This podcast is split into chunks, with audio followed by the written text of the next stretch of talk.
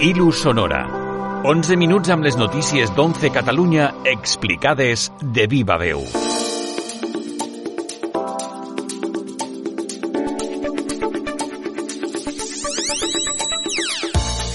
Benvinguts i benvingudes a Ilu Sonora, el podcast de continguts d'11 Catalunya que ens plau inaugurar i presentar amb aquest número 1, corresponent al primer trimestre del 2021.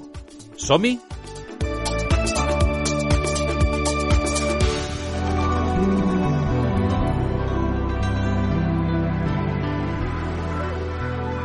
Comencem aquest número 1, aquest camí d'il·lus sonora, amb dues salutacions molt especials. La del delegat territorial d'11 a Catalunya, Enric Botí. Amb aquesta revista sonora, de forma periòdica, les veus del grup Social 11, de la 11 d'Il·lunion i de Fundació, entraran a casa teva, per tal de compartir la il·lusió i la solidaritat, i sobretot per estar més a prop teu. Desitgem que t'agradi. I la del president del Consell Territorial, David Bernardo amb il·lusió sonora estarem més a prop dels afiliats i afiliades i de la societat per explicar de viva veu la feina que fem cada dia pensant en un futur millor per tothom. Ilu Sonora Podcast.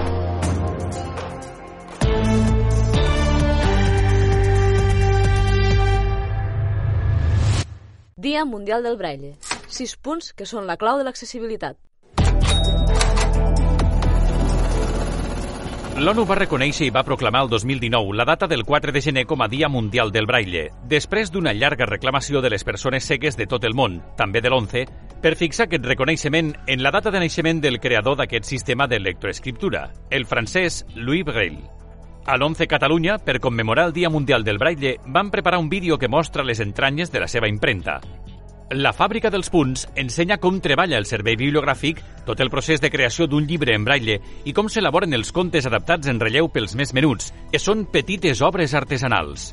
Des de l'11 s'impulsa l'ús del braille amb l'objectiu que els afiliats i la resta de la ciutadania puguin conèixer i gaudir d'aquest codi de lectoescriptura des de tots els seus àmbits. Enric Botí és el delegat d'11 a Catalunya. A la nostra organització celebrem aquesta data per tal de commemorar el naixement de Luis Braille i el fantàstic invent per les persones cegues. També per reivindicar un ús més extensiu encara en béns, productes i serveis. I finalment, per tal de donar les gràcies a totes les persones que el treballen, el cuiden i el defensen cada dia. El Braille ha permès que durant els anys l'11 continuï sumant punts, Tenim un fons documental de 68.050 obres, de les quals 28.761 estan disponibles en braille. Ana María Llaurador es la responsable de la unidad de braille de la ONCE. Las nuevas tecnologías han propiciado la aparición de nuevas formas de lectura y escritura braille, como por ejemplo mediante líneas braille, teclados virtuales de 6 puntos o etiquetadoras. Contamos, así, con distintas herramientas para un mismo fin. El Dia Mundial del Braille també va protagonitzar el cupó de l'11 del dilluns 4 de gener. 5 milions i mig de cupons van celebrar que amb 6 punts la vida de les persones cegues és més accessible i van reivindicar que el Braille ha de seguir estant present en molts àmbits. Ja tenim guanyadors del Rock Boronat amb més participació de la història.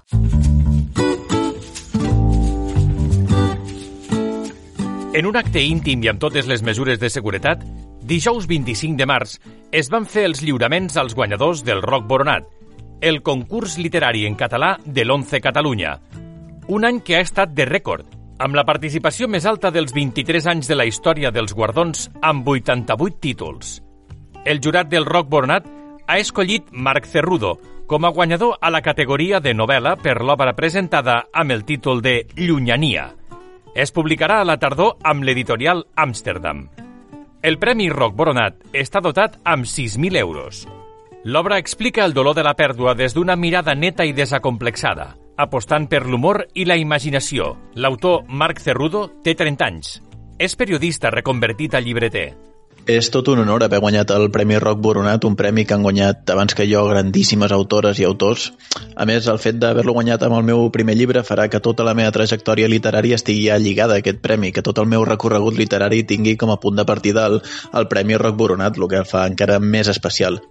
A la categoria exclusiva per a escriptors secs o amb discapacitat visual greu, Quim Martínez ha estat el vencedor en l'apartat de prosa amb l'obra Vides trobades. El premi està dotat amb 900 euros. La barreja de sensacions que experimentes quan et diuen que has guanyat el Premi Roc Boronat de Conte és indescriptible. És una barreja d'alegria, incredulitat i sobretot, sobretot, sobretot, un orgull immens de pertany a la família, a la nostra família, que és la ONCE. L'Once Catalunya convoca cada any els Premis Literaris en Llengua Catalana Roc Boronat en memòria d'aquest escriptor i polític republicà, promotor del Sindicat de Secs de Catalunya, organisme que tenia com a objectiu ser l'òrgan representatiu de tots els secs catalans en temps de la República. Ilus Sonora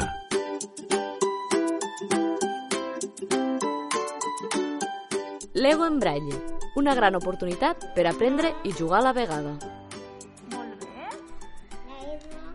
El grup Lego i la Fundació Lego, en col·laboració amb organitzacions i entitats representants del col·lectiu de persones amb discapacitat visual de diferents països, entre les quals la ONCE, han creat el Lego Braille Bricks. Són peces amb els punts del signe generador del braille. Cadascuna du una lletra o caràcter en braille i a més compten amb la seva equivalència impresa en tinta. Un joc del tot inclusiu, tal com destaca el director del Centre de Recursos Educatius 11 Barcelona, Manel Eiximeno. Per aprendre a jugar de forma inclusiva, no només al nen amb ceguesa, sinó tots els seus companys de classe. El Lego és una oportunitat per tots. De una, de una. De una en una, Isaac. Qué más grande. És un recurs inclusiu per a l'aula en la qual l'alumne, amb i sense discapacitat visual, podrà descobrir el braille, al mateix temps que tots els estudiants comparteixen el joc. Per Ivet Marcellac, professora del Centre de Recursos Educatius 11 Barcelona, Una de les avantatges que té és donar visibilitat a aquest còdic Braille. Els nens que tenen discapacitat visual greu o baixa visió i el necessiten poden compartir-lo amb els seus companys d'una manera en un ambient relaxat en el joc. Mireu la B baixa. L'11, a través de la col·laboració amb la Fundació Lego, distribuirà a Catalunya les 150 unitats de Lego Braille Bricks que han estat cedides per l'entitat. Els més petits ho tenen clar. M'ha agradat, m'ha agradat el Lego amb braille, braille. Il·lusionora. El nou terminal punt de venda, en fase de proves. Des de mitjans del passat mes de febrer, una cinquantena d'agents venedors i venedores d'Once a Catalunya han començat el període de formació de la prova pilot del nou TPB, Terminal Punt de Venda, una eina de treball imprescindible. El nou terminal i els seus accessoris han estat dissenyats per garantir que l'equip sigui accessible per a totes les persones amb discapacitat. Entre altres novetats, se n'ha reduït la mida i el pes i ara la pantalla és més gran. Durant les sessions de prova, els venedors s'han mostrat molt interessats i expectants pel nou TPB i, sobretot, per les millores i prestacions. En parla Eric Villalón, venedor d'11 a Catalunya. té una pantalla molt més gran, un teclat extraïble que si vols pots fer la pantalla sencera o només eh, una quart de pantalla amb el teclat per a persones amb, amb ceguesa. Uh, després tens més velocitat de processament gràcies al 4G, devolucions més ràpides, L'equip està especialment dissenyat per a suportar les condicions d'operació en exterior i en diferents circumstàncies mediambientals. Esperando, esperando papel.